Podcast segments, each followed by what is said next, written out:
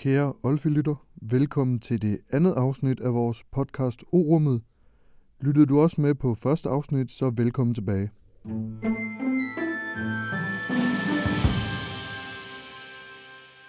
Siden sidst er der sket lidt af hvert i og omkring det danske forsvar, og det ser vi nærmere på om få øjeblikke i overblikket. En af de helt væsentlige begivenheder, siden vi 31. januar udgav afsnittet om inhabilitet i forsvaret, er publiceringen af krigsudredningen, der kaster lys over beslutningsprocesserne op til krigene på Balkan samt i Irak og Afghanistan. Den går vi lidt i dybden med efter nyhedsoverblikket. Jeg har nemlig besøgt forskningsledere på krigsudredningen Rasmus Maja og viceforskningsleder Anders Vivl, begge fra Københavns Universitet, for at høre lidt nærmere om deres resultater og deres anbefalinger til politikerne. Før vi når så langt, så skal vi dog lige have overblikket over, hvad der er sket siden sidst, og det er ikke så lidt, så her får du de væsentligste nedslagspunkter.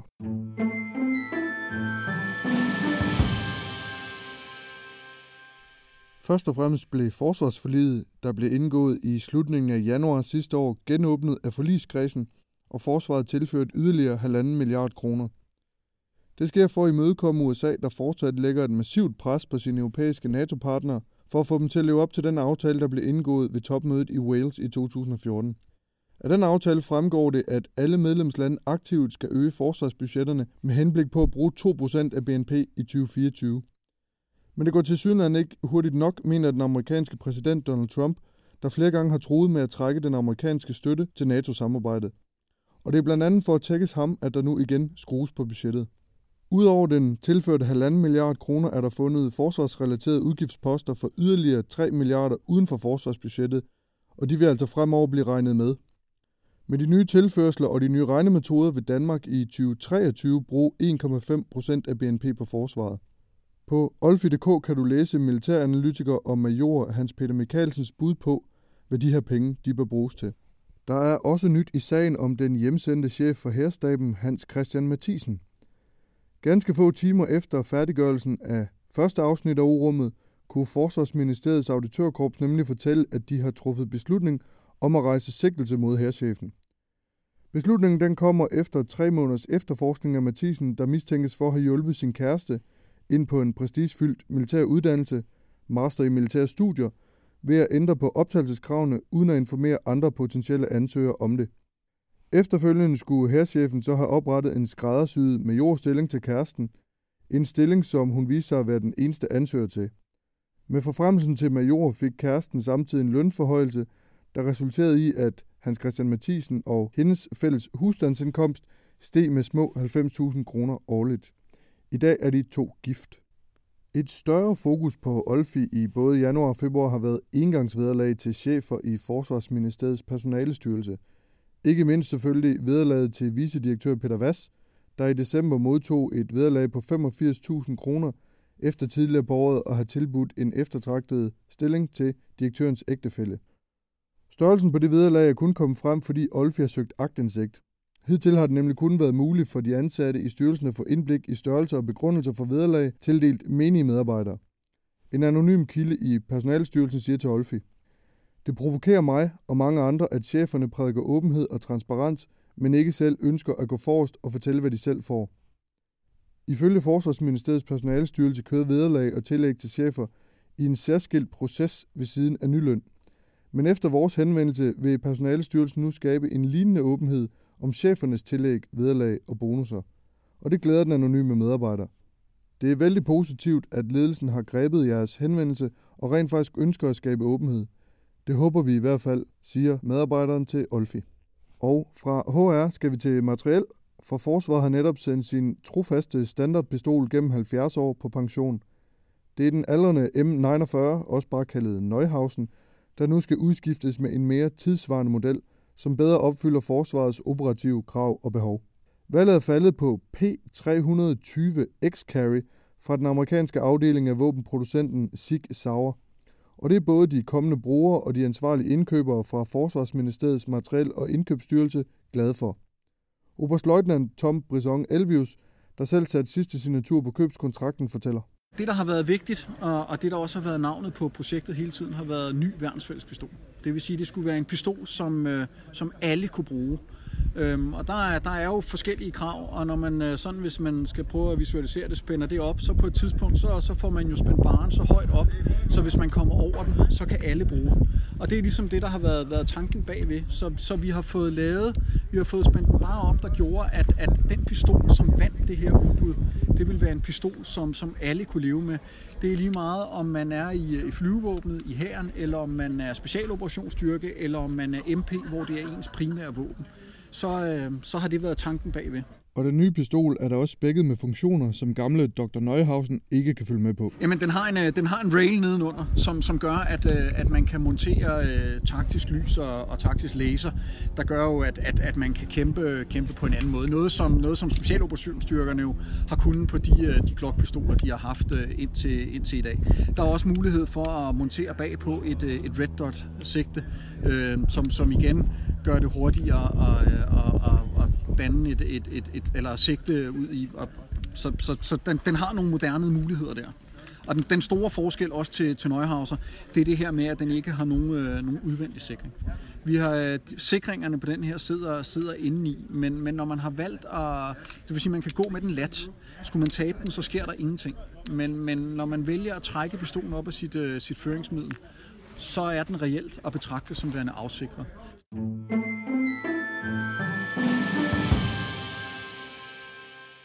Men den helt store nyhed den forgangne måneds tid er selvfølgelig fremlægningen af den såkaldte krigsudredning.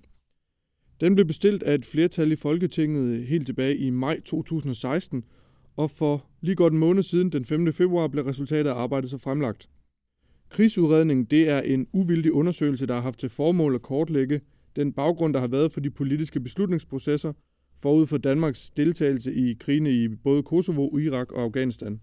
På baggrund af det arbejde har holdet bag udredningen så fremlagt en række konklusioner og deres anbefalinger til, hvordan de her processer med at sende Danmark i krig kan forbedres forud for eventuelle kommende indsatser. Jeg satte de to ansvarlige forskere stævne på Københavns Universitet for at høre lidt nærmere om præcis, hvad det er, man kan lære af de her indsatser, hvordan samarbejdet med de involverede politikere har fungeret, og så vil jeg også gerne høre, om de to forskere føler, at arbejdet er spildt, når regeringen melder ud, at man ikke har tænkt sig at følge deres anbefalinger.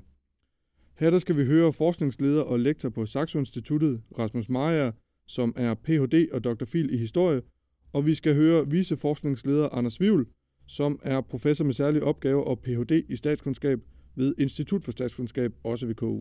I har jo virkelig fået skabt noget røre i andedammen øh, siden den 5. februar. Der er jo ikke en dag uden, øh, at der, der er en ny historie og en ny holdning, og en, både fra, fra politikere og fra veteraner og fra Gud og hver mand.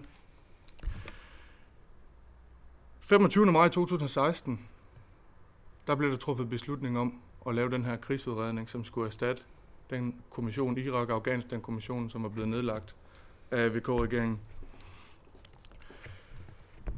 Den har jeg arbejdet på lige siden.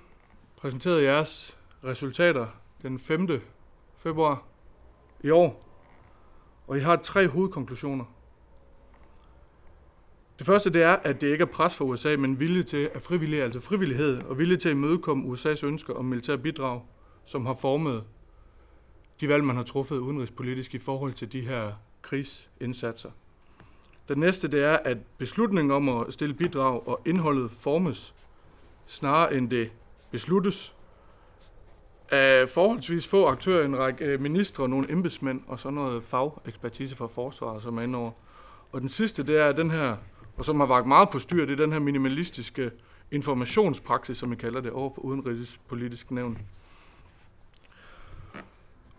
Og hvad skal man sige, I skriver også, at, at det militære engagement bygger kun i mindre grad på strategiske valg og øh, langsigtede analyser. Så det er meget uformelt det her. Hvorfor er det er det et problem? Jeg vil ikke sige, at det er et øh, problem. Det må man jo være især gøre ja. op med sig selv. Men jeg mener, det er påfaldende, at det er sådan, det er. Og jeg mener også, at der er grund til at tænke sig om, om det er sådan, det skal være. Ja. Man kan sige, at der er i hvert fald to udfordringer øh, forbundet med det her. Øh, den ene, det er øh, udfordringen af at, at lære af de beslutninger, som vi har truffet tidligere, og de engagementer, som vi har været en del af og er en del af. Hvordan gør vi det, øh, hvis tingene er meget uformelle og knyttet an på, på ganske få øh, personer. Og den anden det er, hvor godt øh, matcher de beslutninger, vi træffer om, øh, om militært engagement, de prioriteter om at fremme danske interesser og værdier, som vi i øvrigt har i øh, udenrigspolitikken. Hvordan sikrer vi det i en situation, øh, hvor der er præget af meget lidt skriftlighed, hvor det er hængt op på ganske få personer, som snakker uformelt sammen? Ja. Altså hvilke, hvilke, fordi erfaringsopsamling, hvilke konsekvenser har det, når man ikke, øh, når man ikke gør så de her, når man ikke foretager den her opsamling? Er der nogle fejl, I kan se, eller I har opdaget i jeres arbejde, som I kan se, man har gentaget, fordi man ikke har erfaringsopsamlet undervejs i de forskellige forløb? Det vi jo først og fremmest konstaterer, det er jo, at, at når vi undersøger processerne, så kan vi se, at, øh, at, at der mangler noget erfaringsopsamling i det. Og det betyder så, at det indgår så kun i, øh, i begrænset omfang i selve beslutningsprocessen. I hvilket omfang, at, øh, at man så kunne have lært af det, det kan man sige, det er jo, det, i virkeligheden udfordringen er måske, at det står tilbage som et, øh, et, et åbent spørgsmål, netop fordi, at, øh, at man ikke altid får, øh, får foretaget analysen. Øh, og vi kan jo se, at, øh, at øh, noget af det, som vi peger på også i, i udredningen, er jo, at, øh, at det danske engagement er, øh, er meget bredspektret øh, og, øh, og meget omfattende. Så noget af det, som, som i hvert fald giver stof til eftertanke, det er, om, øh, om, øh, om man kunne prioritere det her skarpere, og i givet fald, hvad det er for nogle kriterier, som man skulle øh, prioritere det op i forhold til. Det hænger måske også sammen med, at nu har vi jo siden den kolde krig befundet os i den amerikanske verdensorden. Og der har danske politikere nok sådan over en bred kamp, øh, eller i hvert fald ganske bred kamp, øh, prioriteret, at Danmark skulle øh, stå meget tæt på USA og amerikansk udenrigspolitik, og det kan man sagtens forklare, og man kan sige, at det kan være fornuftigt, og alt sådan noget der.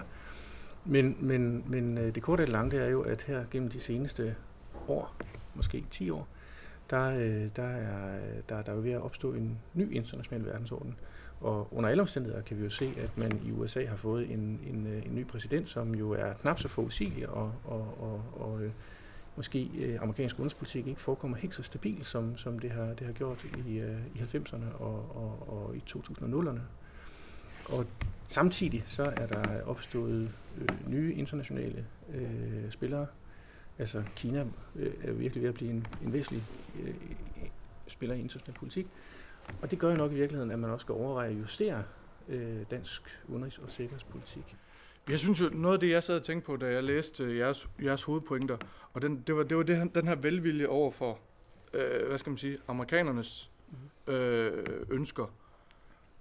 Og så, så kan man jo ikke lade være med at tænke på den situation, vi sidder i i dag, hvor, hvor øh, de europæiske NATO-landes arm virkelig er vredet om på ryggen. Øh, og det første, jeg tænker på, det er så måske i virkeligheden lidt ud over, hvad I har undersøgt, men det er, at, at når nu man har vist den her velvilje over så mange år, hvorfor man så alligevel står i en situation, hvor amerikanerne nu føler, at der er en eller anden modvilje i forhold til at bidrage fra europæisk side? Man kan sige, at vi har jo det, den, det, den, det danske engagement og, og også det danske argument i forhold til amerikanerne, i forhold til det her engagement, har jo været meget hæftet op på, på output.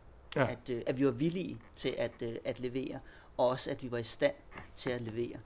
Og noget af det, som, som vi har set de, de senere år, det er jo ikke kun et, øh, et, et, øh, et Trump-fænomen, det har jo sådan set været en, en, en amerikansk sådan, uh, prioritet gennem mange år, som så er blevet blevet artikuleret. sådan øh, stærkere og stærkere, ja, også, også under Obama og Trump, det er jo, at det er input, som også har, øh, har, har betydning, altså hvor meget, hvor mange ressourcer øh, ja. vi bruger på, øh, på, på vores forsvar, og selvfølgelig også, øh, hvordan øh, vi bruger øh, de her ressourcer. Så på den måde, så kan man sige, jamen så, så, så det her skifte fra, fra, fra, fra, fra output til input, eller at de danske output-argumenter måske har lidt mindre vægt, end de havde tidligere, det er selvfølgelig en udfordring øh, for, for det danske engagement.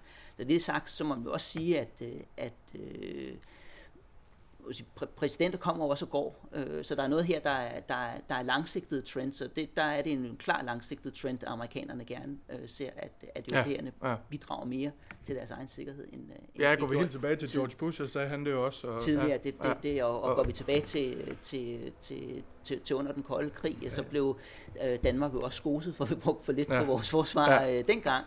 Så, så, så, så det er et gammelt kendt problem. Det, det, det er et gammelt kendt problem, som man jo så har, har kompenseret for øh, særligt efter den kolde krig, Ja. ved at være villig og ved at være i stand til øh, at, at bidrage øh, til de her operationer rundt omkring i, øh, i, øh, i verden. Nu for input-siden har så fået endnu større vægt, og den er også blevet formuleret på en anden måde øh, under den, øh, den, den nuværende øh, Øh, præsident. Så det er klart, det er, er, er, er en mere permanent udfordring øh, for Danmark. Når det er sagt, så, så vil der jo være mange steder i, øh, i, øh, i, i USA og, og i det amerikanske sådan, politiske øh, system og administrative system, hvor Danmark jo fortsat øh, vil have et, et, et, et godt navn. Øh, Ja. Og vi skal også tænke på, at det jo ikke, øh, vi skal ikke mere øh, længere tilbage end til Obamas øh, sidste tid, hvor, øh, hvor, hvor, hvor de nordiske øh, stats- og regeringschefer blev inviteret til, til, til, til, til middag øh, af, af præsidenten og blev hyldet for deres øh, øh, bidrag Ja. til, øh, til, til udviklingen af, af, af, af, den verdensorden, som, øh, som, som, som vi kender øh, i dag. Så, så man kan sige, dramatikken øh, bør også opvejes af, at, øh, at der jo også er, er en hel del, kan man sige, sådan øh, øh, en hel del stabilitet i, øh, i, øh, i det her system. Men det er klart, at, øh, at øh, der sådan drejes væk fra, øh, fra, øh, fra, fra et fokus på det, Danmark har været rigtig gode til at, at bidrage med. Ja. Men har det alligevel, har det alligevel været, de her krigsengagementer, har det været lidt en bodsgang? Nej, jeg vil ikke sige, at det har været en bodsgang, øh, men det er sådan, at, øh, at der har været et, øh, et, en efterspørgsel efter den her type af, af, af bidrag fra øh, USA's allierede i Europa. Og der har Danmark altså valgt at, at, at levere, og Danmark har valgt at levere rigtig, rigtig meget. Og det har man gjort i en række forskellige konflikter. Vi kan jo se allerede tilbage i øh, 1998 med, med Kosovo, der øh, viser vi jo i undersøgelsen, at man fra den side øh, under øh, SR-regeringen siger, at det er meget vigtigt, at Danmark leverer et substantielt bidrag. Det er ikke nok, at man bare leverer et bidrag. Det skal være substantielt, og det skal faktisk være så substanti- su- substantielt, at man vælger at åbne øh, det gældende øh, forsvarsforlig øh, for at kunne levere en bataljon og ikke et mindre bidrag. Og det er meget tydeligt, at, at, at det spor det går så i virkeligheden igen i, øh, i 2001 efter 11. september. Der siger øh, den danske statsminister Poul Nyrup Rasmussen, sig hvad I vil have, så er vi til rådighed. Ja. Øh, og, øh, og så kommer der et regeringsskifte i slutningen af 2001, og man kan jo sige, at, at den politik viderefører øh, Anders Fogh Rasmussen. Det er også klart, at man kan også argumentere for, at han skærper den, når der sker nogle ændringer og sådan noget der. Men det er en klar linje i dansk udenrigspolitik og sikkerhedspolitik, når det er inden for det her område her, at Danmark stiller sig til rådighed for, for USA. Øh, er det bodsgang? Det ved jeg ikke. Øh, der er ingen tvivl om, at, øh, at øh, skiftende danske regeringer øh, har været opmærksom på, på, på, øh, på, øh, på karakteren af den danske alliancepolitik under den kolde krig, som jo af kritikere blev beskyldt for at være sådan lidt for, for fodslæbende, og, og måske forsvarsbidragene var, eller udgifterne var øh, lidt for lave. Øh, og så er der jo hele, øh, hele spørgsmålet om fodnotepolitikken. Øh, det har nok haft en vis indflydelse. Øh, men jeg tror ikke, man skal, man skal tillægge det for stor betydning. Øh, jeg tror først og fremmest, og det er jo i hvert fald noget af det, vi argumenterer for, det er, at, at Danmark øh, helt overvejende har tilpasset sig den amerikanske verdensorden efter den kolde krig. Lidt ligesom Danmark tilpassede sig den bipolære verdensorden under den kolde krig, og i perioden efter 1864, der tilpassede Danmark sig den mægtige nabo i syd, som man aldrig ville være på konflikt med, fordi så vidste man godt, det kostede måske riget sin eksistens. Så det er tilpasningspolitik. Det er tilpasningspolitik, simpelthen. Lad os prøve at vende lidt tilbage til, til selve, selve jeres udredning her. Øh, der har som sagt været en øh, voldsomme reaktioner, og der er veteraner derude og sige, at de føler sig løjet for. Der er, øh, der er den ene og den anden politiker, som, som øh, har en farlig masse holdninger til det her. Den meget på styr, hvis man kan kalde det det, det her sted kommet, er det kommet bag på jer? Eller havde I regnet med, at den ville afføde de her reaktioner? Altså det har ikke kommet bag på mig, at der har været øh, politiske reaktioner, øh, og heller ikke, at veteranerne har, har reageret, som de har gjort. Øh, jeg synes, det er naturligt og forventeligt, at, øh, at der er meget stærk reaktion. Det er jo sådan, at, at øh, en udredning som, som vores, den er jo undfanget i politik. Det er politikerne, der, der vil have den.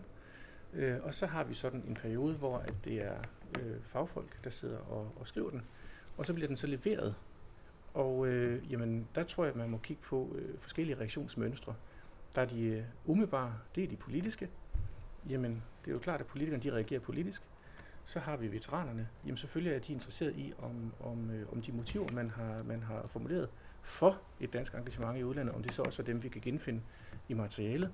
Og så siger det sig selv, at øh, vores kolleger øh, hen ad vejen, når de får tid til at læse det, så får der komme øh, nogle reaktioner, som måske mere er sådan faglige i deres karakter. Og det er, det er, det er spillets regler, og det er fint, det er sådan, det er. Jeg kan sige, det, der er rigtig spændende, det er jo selvfølgelig, om politikerne de følger jeres anbefalinger.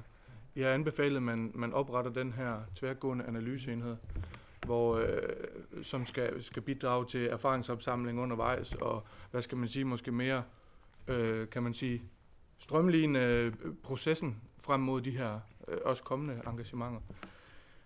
Nu læste jeg, at jeg tror det var dagen efter, at I fremlagde øh, krigsudredningen, der er, allerede da kunne man læse i Berlinske, at de mente at være i besiddelse af dokumenter, som, som, øh, som gjorde det klart, at, at det havde regeringen overhovedet ikke til hensigt at gøre noget ved. Mm-hmm. Hvad sidder man og tænker, som øh, når man har siddet og forfattet det her over nogle år, og man får sådan en melding? Jamen, jeg synes, at, øh, at øh, vi har jo fremlagt nogle, øh, nogle anbefalinger. Man kan sige, vi har jo gået ind og fortolket vores kommissorium. Der stod, at vi skulle give en retvisende læring øh, for eftertiden. Og det har vi jo så fortolket på en måde, hvor vi har, øh, har valgt at, øh, at formulere den her læring som nogle øh, relativt konkrete anbefalinger.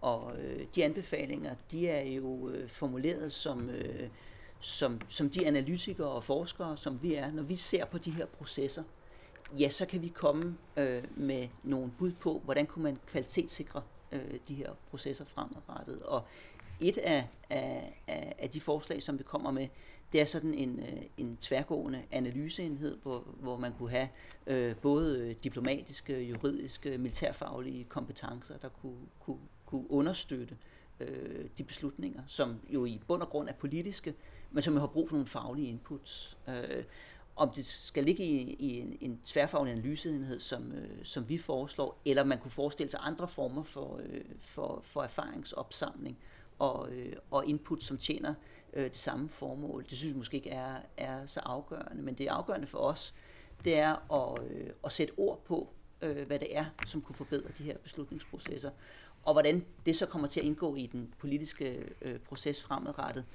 det kan være, det, det, det, det er rigtig svært at sige på, på nuværende tidspunkt. Ja, jeg, jeg, jeg kunne have lyst til at kaste blikket tilbage på Socialkommissionen, der blev, øh, der blev nedsat i vist nok, eller i hvert fald øh, offentliggjort i, tror jeg, 1983. Og, øh, og øh, der kom øh, den her kommission, som jo bestod af samfundsforskere, økonomer og, og andre øh, øh, fagfolk, jo med en lang række anbefalinger, anbefalinger om, inden for det socialpolitiske område. Og øh, jeg tror, at det vil være en meget retvisende at sige, at det blev helt, helt og aldeles ned ad brættet. Og så gik der 20 år, og jeg mener, at der stort set kun en af deres anbefalinger, der ikke er blevet realiseret, og må ikke den også bliver det. Se, jeg siger jo ikke det her, fordi jeg tror, at vores anbefalinger, de bliver, de bliver, de bliver, de bliver øh, taget til efterretning en for en, eller en til et. Men som andre siger, det er heller ikke meningen. Eller det er det nok, men, men det er heller ikke forventeligt. Det, der til gengæld er, kun være ønskeligt, det er, at man, øh, man kigger på de øh, problemstillinger og, og overvejelser, som vi har gjort os, for at sige, er der noget, man skulle overveje at gøre i den her sammenhæng her. Om det så bliver på den ene eller anden måde, det er jo i virkeligheden af mindre betydning. Og der vil jeg sige, der har jeg tilstrækkelig tillid til vores politiske system og vores centraladministration til at, at tro på, at man i hvert fald tager det alvorligt. Hvis man nu skal sidde og være lidt øh, små konspirationsteoretisk, hmm? Kunne en hypotetisk politiker så have finde en eller anden fordel i ikke at implementere en, en systematisk erfaringsopsamling i forbindelse med den her slags. Kunne der være fordel ved, at tingene ikke blev dokumenteret? Ja, det, det, det, det kan der selvfølgelig godt være, men, men igen, øh, det, altså, det beror jo ligesom på, at man tænker, så sidder der sikkert en gruppe af politikere, som har en eller anden form for gruppetænkning, der siger, at vi er sådan set ligeglade med alle omkostninger omkring det her. Det handler alene om at blive ved med at gå i krig. Og jeg ved så ikke, jeg ved ikke, hvem det skulle være. Nej.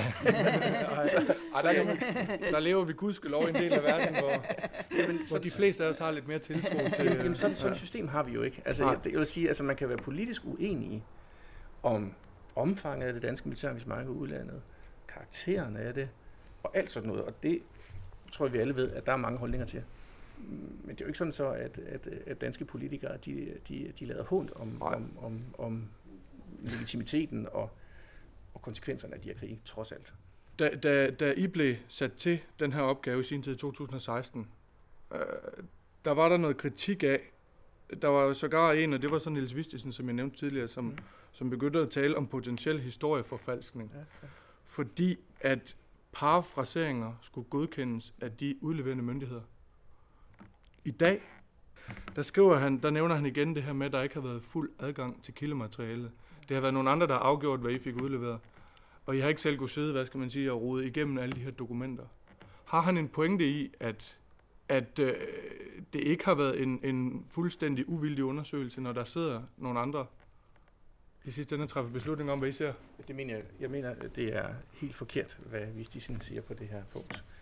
Øh, Det er sådan, at vi har ikke på noget tidspunkt blevet forhindret i at læse det materiale, vi har anmodet om. Ikke på noget tidspunkt. Øh, det er sådan, at øh, det eneste kildemateriale, hvor at øh, myndighederne har sagt, her sorterer vi i det, det er i oplysningerne fra regeringens sikkerhedsudvalg og fra embedsmændenes sikkerhedsudvalg. Der har man sagt, det her materiale her, her får I det, der handler om krigene, men I får ikke det, der handler om alle mulige andre ting. Det er det eneste. Ellers så har vi fået alle dokumenter i fuldtekst. Vi har ikke prøvet ikke at få udleveret noget materiale, som vi har bedt om, og vi har øvrigt fået en masse materiale, der ligger ud over vores kommissorium. Så det er simpelthen ikke rigtigt, øh, hvad Vistisen siger på det her punkt. Jeg kan lige læse et uddrag, Mm. fordi han nævner det her. Mistanken om kildegrundlaget består, siger han. Ja, ja. Udrederne siger godt nok, at de ikke har fået nej til at få udleveret noget, men i et statsligt arkiv er der meget stor forskel på at bede om at få noget vedrørende en sag eller et emne, og så selv som faghistoriker søge i arkiverne. Mm. Er der ikke ting, som kan være fløjet under jeres retter? Teoretisk set, så kan vi jo ikke øh, afvise, at der ligger et dokument, øh, som vi ikke har set. Men, men det er ikke sådan så, at, øh, at vi bare har fået udleveret det, som, som vi har bedt om. Vi har faktisk også selv siddet med, med journalerne. Det har vi faktisk gjort i statsministeriet. Det har vi gjort i forsvarsministeriet. Vi har gjort det i udenrigsministeriet. Vi har også søgt på materiale. Vi har bedt dem om at fremsøge materiale. Vi har øh, haft kontakt til Forsvarskommandoen, øh, hvor de også øh, virkelig har, har udvist stor øh, imødekommenhed. Øh, jeg kan selvfølgelig ikke øh, øh, garantere, at der ikke er et dokument, vi ikke har set.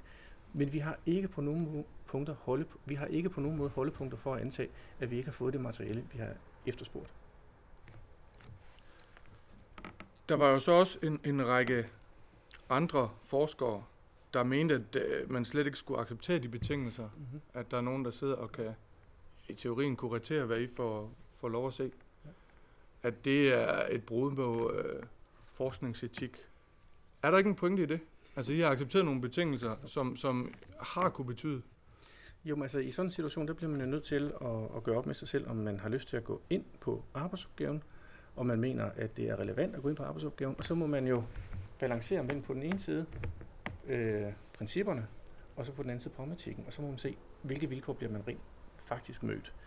Fordi jeg tror, jeg kan, både Anders og jeg forstår da godt den bekymring, som, som de her forskere gav udtryk for, og vi havde den der også selv i et vist omfang, og derfor valgte vi jo også at, at, øh, at være meget åbne om vores, øh, om vores øh, betingelser for, for at gå ind i det her. Vi skrev en artikel, som blev offentliggjort i Politiken øh, i slutningen af 2016, hvor vi sagde, at hvis det viser sig, at vi ikke får adgang til materialet, øh, jamen så kan vi ikke gennemføre undersøgelsen. Så, øh, så, øh, så, øh, så jeg forstår da godt den bekymring. Men, øh, men det har så heldigvis vist sig, at vi faktisk fik adgang til materialet. Øh, øh, så så, så øh, ja, det er sådan, det må være. Ja, og, og vi gjorde i virkeligheden da, netop også fordi selvfølgelig er det, er, er, er det nogle overvejelser, man skal gøre sig, når man går ind i, øh, i, øh, i, i, i den her type af, af, af arbejde. Og, og, og der tror jeg for alle forskere, der går ind i den type arbejde, ja, der er der noget, der ligesom, der, der er nogle ting, hvor man vil sige, jamen vi synes, det er vigtigt at lave den her type af undersøgelse. Det gør vi, fordi vi synes, at vi er nødt til at have et, øh, et, et, et stærkere beslutningsgrundlag fremadrettet øh, i forhold til Danmarks deltagelse i, øh, i krige rundt omkring i verden. Og hvis vi skal kunne have det, jamen så er vi også nødt til at få afklaret, hvordan er det, vi træffer de her beslutninger, for at vi kan gå ind og, og forbedre dem. Det er jo den ene side af det, at det, det vil vi gerne bruge, øh, bruge vores øh, faglighed og, og to år af, af, af vores liv på. Og så den anden side, jamen det er jo så, jamen at de vilkår, man så får stillet til rådighed, når man laver den slags, er, øh, er de så stærke nok? Øh, at, at det er nogen, der garanterer, at, øh, at vi kan lave et, et, et, et ordentligt øh, stykke arbejde. Og, og der, der gjorde vi i hvert fald øh, sådan tre ting, øh, inden vi, øh, vi, vi gik i gang øh, med arbejdet. Det første var, at, øh, at øh, vi offentligt jo øh, øh, tilkendegav, at, øh, at vi sådan set var villige til at, at trække os fra arbejdet, hvis ikke vi fik opfyldt øh, de øh, betingelser, der skulle til, for at vi kunne øh, gennemføre den her type af, af arbejde. Den anden ting, det var, at, øh, at vi hele vejen igennem har været helt klare omkring, at øh, vi fremlægger øh, betingelserne øh, for vores arbejde, sådan som vi også gør i, øh, i begyndelsen af, af udredningen, med hvad er det for, for, for noget øh, øh kildemateriale, vi har bedt om at, at, at, at kunne referere til, hvad er det, vi har, hvor, hvor, hvor stor en del af det har fået, fået, fået afslag øh, på, øh, hvem er det, vi har har, har interviewet af de centrale beslutningstagere øh, osv. Og den tredje ting, jamen det var, at, øh, at vi jo sikrede os øh, også opbakning fra, øh, fra, fra vores arbejdsgiver på universitetet til, at, øh, at, øh, at, at, at beslutningen var vores i forhold til, hvornår vi kunne øh, stå op i en situation, hvor, hvor vi skulle trække os fra, øh, ja. fra, øh, fra, fra det her arbejde. Så, så det er klart, at det er nogle overvejelser, som vi også har gjort os, øh, men hvor vi jo så også, kan man sige, har gjort os nogle overvejelser omkring, hvordan var det, var det at, at vi kunne sikre øh, den her proces, hvis vi skulle komme i den situation. Ja. Det gjorde I så heldigvis ikke, kan man sige. øhm, har I også oplevet, har I oplevet velvilje hele vejen igennem hos de personer, I gerne vil interviewe undervejs? De her centrale øh, beslutningstagere?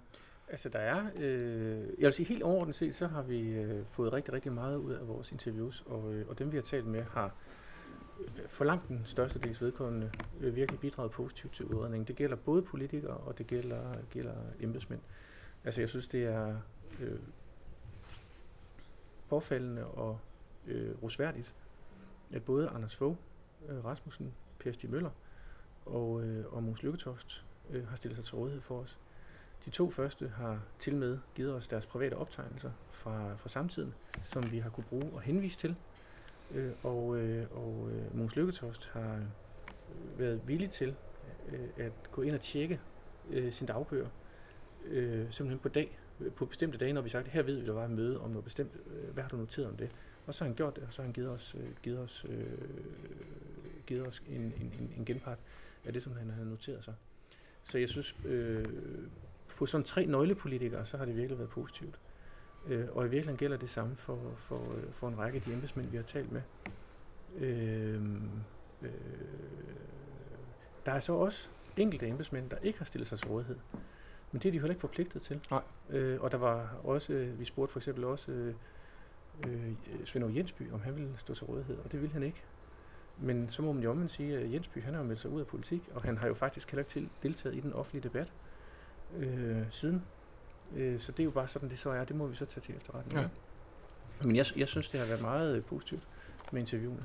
Vi, vi var lige lidt inde på det i starten, men vi, vi skal det lidt hurtigt hen over det. Altså de her hovedkonklusioner, I har. Øh, blandt andet med det her med, med den... Jeg kunne godt tænke mig at tage lidt fat i det her med informationspraksis over for udenrigspolitisk nævn. Det, at de bliver inddraget meget sent i forløbene, kan man sige, udgør det et problem? Er det problematisk, at et så centralt nævn, et så centralt beslutningsorgan, inddrages øh, sent i forløbene fra gang til gang? Kan man tale om et demokratisk problem? Altså jeg tror, det, jeg ved ikke, så kan du sige, hvad du, hvordan du opfatter det. Øh, det er jo sådan, at det fremgår af, af hvad hedder det, øh, grundlovens paragraf 19, at det er regeringen, der fører landets udenrigspolitik. Og det er regeringen, der fører landets udenrigspolitik. Det er ikke oppositionen, og det er ikke Folketinget i sin helhed. Det er regeringens prerogativ at føre, føre, føre udenrigspolitik herunder sikkerhedspolitik. Øhm, så har vi lov om udenrigspolitisk nævn, der blev vedtaget i 1954. Der fremgår det, øh, der er vist nok fem paragrafer kun, det er en meget kort lovgivning. Der står der, at man skal, man skal øh, rådføre sig med udenrigspolitisk nævn forud for en beslutning af større udenrigspolitisk rækkevidde. Og det er jo også det, man gør ved at gå i udenrigspolitisk nævn, inden, at, man, man, øh, man, øh, inden at det kommer i folketingssalen. Og det fremgår jo også af lovgivningen, at udenrigspolitisk nævn jo ikke har nogen beslutningskompetence. Det er regeringens prerogativ at føre det. Men det er klart, det har nogle omkostninger og nogle konsekvenser, at man går relativt sent i udenrigspolitisk nævn. Det er jo en anden sag. Men, men, men det er meget vigtigt at understrege, at det her det er fuldstændig overensstemmelse med gældende regler. Og det er jo også den interne vurdering, både i statsministeriet, forsvarsministeriet og udenrigsministeriet, at man hellere går en gang for meget i nævnet, end en gang for lidt. Okay.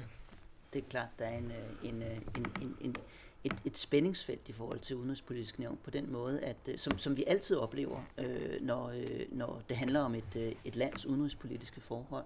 Øh, og i øvrigt kender man det samme spændingsfelt også fra, øh, fra Europaudvalget i, i Folketinget. Og der på den ene side, ja, så vil man jo, øh, så kan der være en, en, en, en, en, kan man sige, en legitim øh, sådan interesse i, at øh, fra Folketingets side, i at man bliver informeret tidligt, øh, så man ved, hvad, man, hvad der foregår, og så man kan øh, have lejlighed til at, at give udtryk øh, for, hvad ens øh, holdning er til det. Og det kan også være en interesse for regeringen, fordi så ved man, hvor Folketinget står i forhold til den øh, politik, øh, som man fører.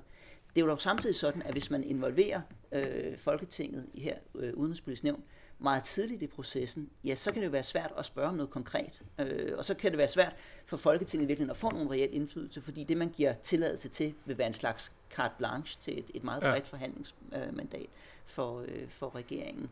Den anden side af, af, af, af, af, af, af den spænding, kan man sige, det er, og det er jo det, vi peger på i, i, i udredningen, at hvis man så til gengæld informerer øh, nævnet øh, meget sent, så er det sådan, at, øh, at øh, så er man øh, som regering øh, drejet ned af en, af en bestemt vej i forhold til, til de her beslutninger om, øh, om, om, mm. om militært engagement. Og så bliver nævnets rolle i høj grad sådan en, hvor, øh, hvor man kan trække i håndbremsen, øh, men man kan sådan set ikke nå at dreje rigtig ind på nogen anden vej, uden at det har meget store politiske omkostninger. Så man kan sige, formelt er der ikke noget i vejen for, at, øh, at, øh, at, at nævnet siger fra over for, øh, for, øh, for den vej, man er drejet nedad. Men alle vil vide i situationen, at den har nogle meget store politiske øh, omkostninger. Og det er den balance, man er nødt til at finde mellem, øh, mellem regering og folketing. Og så er der yderligere i forhold til de her militære engagementer, at der er kommet en, øh, en, øh, en særlig udfordring i, øh, i årtierne efter den kolde krigs afslutning. Og det er, mens vi under den kolde krig jo havde sådan en meget stabil sikkerhedspolitisk situation, øh, og i øvrigt også, øh, når vi sendte soldater ud, jo så gjorde det i, i regi af, af FN, så har vi jo nu en, en efterspørgsel efter militært engagement øh, internationalt, som er øh, meget omfattende, og hvor der hele tiden vil være ting, man så løbende øh, skal, skal, skal tage stilling til. Og hvor det måske den model, man har med, med, med, med nævnet, måske ikke altid er, er den ideelle, og så bliver det de her uformelle ja. øh, kontakter, som, øh, som, øh, som bliver afgørende. Det kan simpelthen blive en hemsko, hvis det er for formaliseret øh, beslutningsgangene? Ja, man kan sige, det er jo, det er jo, det, det, det, det er jo igen en, en, øh, et, et, et spændingsfelt, der er her, fordi det, du kan sige, øh, det er en hemsko for, for fleksibiliteten, men for at, at, at sikre, at det er, er indlejret i, øh, i en sådan kontinuerlig udenrigspolitik, så kan det nogle gange være en nødvendig hemsko. Ja, ja. så det handler om at, at, at, at, at, at, finde balancen mellem regering og folketing i det her i ja. virkeligheden. Og så, og så to ting til. Øh, det ene, det, du har allerede peget på det, Anders, men det er det her med, at det er jo ikke sådan, at der ikke er en, en kommunikation mellem regering og folketing. Fordi der foregår jo øh, en under tiden mm. tæt dialog men bare af andre kanaler end ja. i UPN. Og det er for eksempel mellem regeringen og forsvarsforligspartierne. Øh, fordi et forsvarsforlig, som nævnt tidligere, en gang imellem kan blive åbnet, øh, hvis nu at det koster penge at sende, eller hvis det koster mere at sende, et, sende en bataljon ud, end, end hvad øh, for, forliget egentlig kan rumme. Men så er der jo også uformelle sonderinger mellem, øh, øh, mellem øh, en regerings statsminister og udenrigsminister, og så oppositionslederen typisk øh, eller, eller der er eksempler på, at en siddende udenrigsminister taler med to tidligere siddende udenrigsminister, hvor de så siger, jamen, vi går i den her retning, hvad siger I til det i jeres parti? Ja. Ikke? Så, så det, er ikke, det, er jo ikke, altså det er jo ikke sådan, så at udenrigspolitisk nævn er det eneste sted, hvor man drøfter de her ting. Nej. Øh, det er den ene ting. Øh, og så en anden ting, det er jo det, er jo det her med, med, hvilken rolle spiller diplomatiet egentlig i det her. Øh, det her med, at, øh, at det kan godt være, at det virker øh, det kan godt være, at der er visse udfordringer ved, at man går relativt sent i udenrigspolitisk nævn, men omvendt så kan man sige, at det er jo sådan set det, man har diplomatiet til at også få forberedt tingene, sådan så der er en vis stabilitet og forudsigelighed i vores øh, forhold til vores allierede og samarbejdspartnere. Og derfor er det jo egentlig helt naturligt, at embedsværket løbende er i en dialog med dem, vi arbejder sammen med, om hvor bevæger tingene sig hen, fordi så ved man ligesom, hvor man har hinanden. Og, og, og det er nok i virkeligheden det, man skal forstå, at det er, det er inden for det problemkompleks, at, at den her diskussion den, den foregår. Så i virkeligheden, så, så er det i forhold til at få truffet beslutninger, så kan det godt være, så er det faktisk måske ligefrem det mest hensigtsmæssige at, at holde det uformelt et langt stykke hen ad vejen. No, nogen vil måske mene, at, at uh, det går ud over gennemsigtigheden. Man kan sige, det er, det er grunden til, at, at det system har udviklet sig, kan man jo sige, er, at det er fleksibelt og det er funktionelt. Ja. Men samtidig med, at det er det, så har det jo også nogle omkostninger det har nogle omkostninger i form, at, øh, at det uformelle jo netop gør det meget svært at samle op på, hvad man lærer fra proces ja. til proces. Og dermed kan det være svært, når man skal træffe den næste beslutning, ja, så kan det være, at, at de, øh, de øh, omkostninger og gevinster, som man identificerede i den forrige, dem får man faktisk ikke lige løftet med over og få tænkt på i, øh, i, i den næste beslutning. Der er også den ulempe, at det bliver meget personborgen, og det peger mm. vi sådan set også på i, i udredningen, at øh, ser vi på, øh, på, på forløbet øh, efter øh, 9-11, ja, så kan vi se, så er der en, øh, en, øh, en, øh, en, en, en tæt kontakt mellem øh, øh, regeringstoppen og, og, og, og, og ledende politikere i, øh, i oppositionen. Når vi ser forløbet op til, øh, til beslutningen om, øh, om Irak i 2003, ja, så kan vi jo se, at, øh, at et, øh, et problematisk forhold øh, øh, mellem øh, statsministeren, øh, Anders Fogh Rasmussen, og Socialdemokratiets leder, Måns Lykketoft, har en, en negativ indflydelse på, at øh, hvor, hvor, hvordan man får forhandlet omkring de her ting. Og, og man kan sige sådan som, øh, som, øh, som land er det jo fornuftigt nok, hvis, hvis man kan gøre de her ting en lille smule mindre personborgerne, ja. fordi vi jo godt vil have, have så meget øh, kvalitet i, øh, i, øh, i, øh, i, i beslutningerne øh, som muligt. Men jeg tænker lige præcis, for at vende tilbage til øh, erfaringsopsamlingen, altså jeg tænker, det at gå i krig, det er en, en meget, meget stor, voldsom beslutning, og den har kostet, øh, øh, ja, sådan i en dansk kontekst i hvert fald, sådan temmelig mange soldaters liv. Mm. Altså hvis man begår, hvis man, hvis man ikke opsamler de her erfaringer, så risikerer man jo at begå nogle af de samme måske strategiske fejl igen, selvom du har noget militærfaglig øh, hjælp indover, ikke? Er det ikke, er det ikke et... Altså jeg sidder bare sådan som udforstående og tænker, det, altså, det er da farligt. Altså, jamen, det, er, det er jo ikke... Jamen, det er vi da sådan set enige i. Ja. Og det er også derfor, vi foreslår, at uh, man, man opretter et, uh, et kontor et sted i centraladministrationen, ja. hvor, man, hvor man simpelthen har i, i virkeligheden bare et lille kontor, øh, som, som, øh, som, øh, som har en ganske få medarbejdere, der hele tiden sidder og analyserer på, hvad der er sket, og, og har et blik for, øh, hvor dansk udenrigspolitik er på vej hen, og, og måske indgår i sådan den løbende dialog øh, med forskellige kontorer, Udenrigsministeriet, Statsministeriet, hvor det ellers Forsvarsministeriet. Øh, og så må politikerne jo altid træffe de beslutninger, som de nu øh, mener, der skal træffes i samarbejde med embedsværket, men, men på et så oplyst grundlag som overhovedet muligt. Fordi det er jo lige, lige præcis en alvorlig sag at gå i krig. Og det er jo derfor, vi synes, at det rigtige, det vil jo være at have en eller anden form for enhed, så man sikrer sig, at man hele tiden havde så meget viden at stå på som overhovedet muligt. Og, og, og derfor peger vi også på, i, i, og det er sådan et andet aspekt i, i forhold til at kvalitetssikre de her beslutninger, at der er nogle spørgsmål, som man sådan helt systematisk ja. bør stille forud for et, øh, et, et, øh, et hvert militært øh, engagement, og hvor vi kan se i, øh, i beslutningsprocesserne, at øh, mange spørgsmål bliver stillet, andre bliver ikke. Nogle bliver nogle gange stillet, øh, andre bliver andre gange stillet, men hvor vi jo sådan set foreslår, kan man sige, en slags, øh, en slags øh, spørgeguide eller, eller et, et, et redskab til at spørge systematisk ind til de her ting, der handler om øh, gevinster, om omkostninger, om øh, hvad er risikoen for, øh, for de mennesker, som skal, skal sendes ud, øh, hvad er det for et træk, vi har her, både på, på personel og på, øh, på, på, på materiel, hvad er det for nogle alternativer, der vil være til at gå ind militært, eller gå ind militært lige præcis på den her måde, hvad er det for en exit-strategi, man har, ja. når nu man, øh, når man, når nu man øh, engagerer sig, at vi sørger for, at vi hver gang får, øh, får spurgt ind til de her ting, og det er jo nogle ting, det vil være naturligt at, at spørge ind til, både internt i regeringen og i, øh, i den administrative del af beslutningsprocessen, men jo også, kan man sige, har, har vi jo også formuleret dem på en måde, så, så, så det enkelte, så den kritiske folketingsmedlem øh, kan tage spørgsmålene med og, øh, og, og, og stille dem. Og det er jo ikke noget, der, der sådan kræver, at der stilles meget store ressourcer nej, til rådighed i hvert fald.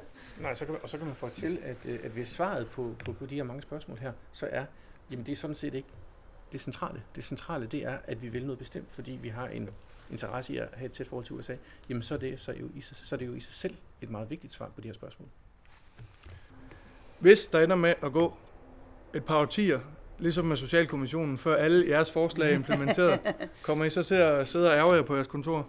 Nej, det gør jeg bestemt ikke. Øh, jeg har været meget opløftet over at, have været en del af, det her øh, team her, og jeg har været meget glad for at sammen med Anders.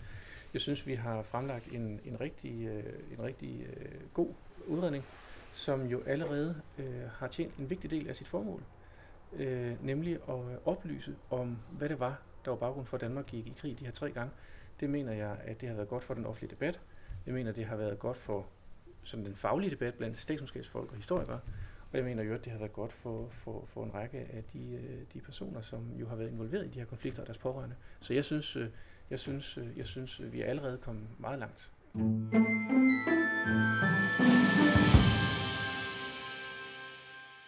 Ja, det blev ordene om krigsudredningen fra Rasmus Maja og Anders Vivl. Hvis du vil vide mere om den kritik, vi taler om i interviewet, kan du læse Niels Vistisens blogindlæg på olfi.dk.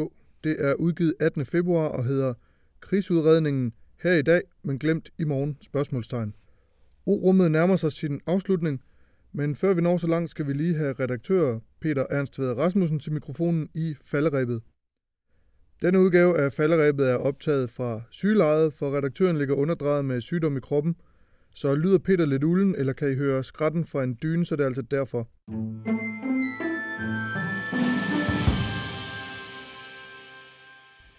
Det passede formentlig både forsvarsministeren og hans embedsmænd i ministeriet glimrende, da Berlingske op til NATO-topmødet i Bruxelles i februar og den efterfølgende sikkerhedspolitiske konference i München udkom med noget af en positiv historie. Det fremgik af rubrikken, at, citat, USA får ikke en bedre allieret end Danmark, citat slut. Artiklen byggede på en rapport udarbejdet af den velrenommerede amerikanske tænketank Atlantic Council – af rapporten fremgik det blandt andet, at Danmark, citat, har konstant gjort mere end størrelsen af landet kan berettige til, og har ydet substantielt til det kollektive forsvar på trods af landets størrelse, citat slut. Ikke et ord om Rigsrevisionens kritik af forsvarets manglende evne til at løse sine opgaver med kernekapaciteter som kampvogne, fregatter og inspektionsskibe. Ikke et ord om Rigsrevisionens hårde kritik af forsvarets IT-sikkerhed. Ikke et ord om mangel på mandskab, materiel, stress og overarbejde. Bare lutter røde roser. Det lød næsten som taget ordret ud af munden på forsvarsminister Claus Hjort Frederiksen. De amerikanske roser kunne ganske enkelt ikke falde på noget bedre tidspunkt eller fra en mere anerkendt tænketank. Atlantic Council er kendt for sine indsigtsfulde analyser og sin upartiskhed, og med det, der bedst kan kaldes tænketankens repræsentantskab, finder man navne som Henry Kissinger, Wesley Clark, H.R. McMaster, David Petraeus, James Baker, Aston Carter, Robert Gates, Leon Panetta, Colin Powell og Condoleezza Rice. Vil du vide, hvem de er, kan du læse min analyse inde på olfi.dk. Med andre ord en backing group uden sidestykke, med indsigt, erfaring og troværdighed. Siden indgåelsen af forsvarsforledet i januar 2018 har USA lagt kolossalt pres på Danmark og lavet forstå, at en stigning i forsvarsbudgettet fra 1,17 procent af BNP i 2017 til 1,3 procent i 2023 ikke er tilfredsstillende. Da samtidig landene omkring Danmark øger deres forsvarsbudgetter, besluttede forligspartierne i januar, udover at ændre på regnemetoden, som sikrede 3 milliarder kroner ekstra, at tilføre yderligere 1,5 milliarder kroner i 2023, hvilket til den tid sammenlagt for det danske forsvarsbudget op på 1,5 procent af BNP. Det er det samme som tyskerne. Målsætningen om de 2 procent af BNP blev vedtaget i Wales i 2014. Siden har Danmark standhaftigt argumenteret for, at man i NATO bliver nødt til at indføre en mere nuanceret målemetode, som ud over input i cool cash – også fokuserer på output i form af, hvordan landene rent faktisk bidrager til NATO's missioner rundt om i verden. Her er Danmark en duks, men det har ikke ændret på præsident Donald Trumps opfattelse af Danmark som en snylder på lige fod med en række øvrige NATO-lande.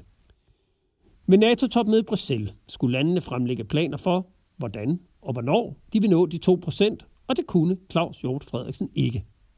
Han havde med andre ord brug for alternativ opbakning til den fodslæbende danske plan. Rapporten fra Atlantic Council var derfor lykkelig læsning i Forsvarsministeriet. Tænk, at en så anerkendt tænketank som Atlantic Council skulle lande en rapport så veltimet, at den kunne bruges til at argumentere for, hvorfor Danmark ikke er helt så slem, som Trump siger. Timingen og formuleringerne var så præcise, at man næsten kunne få den tanke, at der stak noget under. Og det gjorde der så også. I den forgangne uge kunne samme Berlingske afsløre, at rapporten var bestilt og betalt af det danske forsvarsministerium. men det fremgik oprindeligt ikke af rapporten. Den fejl måtte Atlantic Council efterfølgende beklage og rette med en tilføjelse i slutningen af rapporten. Citat. Denne rapport er publiceret som del af et projekt, der er støttet af det danske forsvarsministerium. En tidligere version af rapporten udelod ved en fejl denne oplysning, står der nu at læse i bunden af rapporten. Den er på syv sider og har kostet Forsvarsministeriet 65.000 dollars, svarende til 428.000 kroner. Det svarer til 61.142 kroner per side. Claus Hjort Frederiksen siger i et skriftligt svar til Berlingske, at samarbejde med Atlantic Council, citat, handler om at få skabt større forståelse for Danmark og danske prioriteter på det sikkerhedspolitiske område, citat slut. Men af ministerens svar til Folketinget fremgår det videre, at samarbejdet har til formål at, citat, udbrede kendskabet til danske forsvars- og sikkerhedspolitiske prioriteter samt at fremme danske forsvars- og sikkerhedspolitiske synspunkter i Washington D.C. Citat slut. Og det er faktisk ikke så godt. For uafhængige amerikanske tænketanke må ikke agere lobbyister og fremme fremmede magters interesser i USA. Således har rapporten nu påkaldt sig negativ opmærksomhed i USA, hvor Atlantic Council gambler med sin troværdighed. Det samme er sket i Danmark, hvor Berlingskes afsløring fik kritikken til at havle ned over Forsvarsministeriets spindmaskine. Den pensionerede brigadegeneral Michael Hesselholt Klemmesen skrev på Facebook, at hvis Berlingske havde spurgt ude i de operative enheder, ville avisen kunne have skrevet, citat, at Forsvarsministeriet havde købt, hvad der svarede til et fake news forsøg på at sælge skat som en model til efterfølgelse. Citat slut. Som Peter Viggo Jacobsen fra Forsvarsakademiet forklarede til Berlingske, står der intet direkte forkert i rapporten. Men omvendt kunne Forsvarsministeriet selv have skrevet den og sparet en lille halv milliard, million kroner i reklamebudgettet. Hvad kan vi så lære af sagen om Atlantic Council? At den afslører en farlig tendens, der i voksende omfang vinder indpas i den danske centraladministration.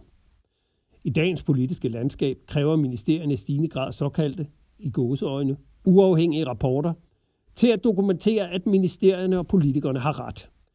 Det får man ved at lokke med svimlende beløb, som får uafhængigheden og integriteten hos de velvillige forskere til at klinge hult, og det udstiller et alvorligt demokratisk problem.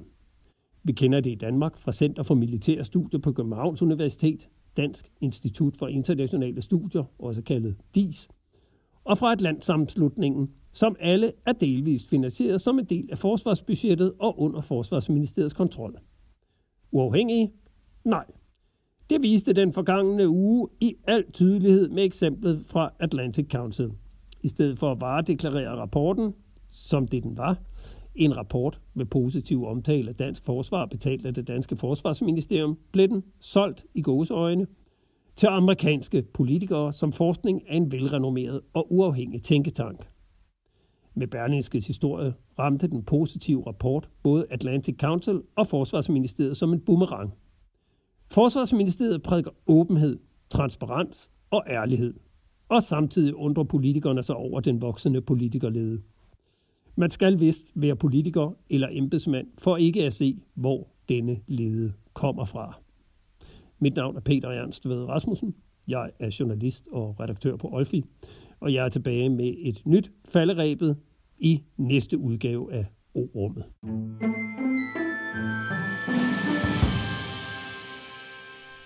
Ja, så vidt falderæbet, og til bekymrede lytter skal jeg skynde mig at sige, at de seneste meldinger fra Ernst ved Lejren er, at Peter forventes at komme sig fuldstændig og være tilbage i fuld vi gør inden længe.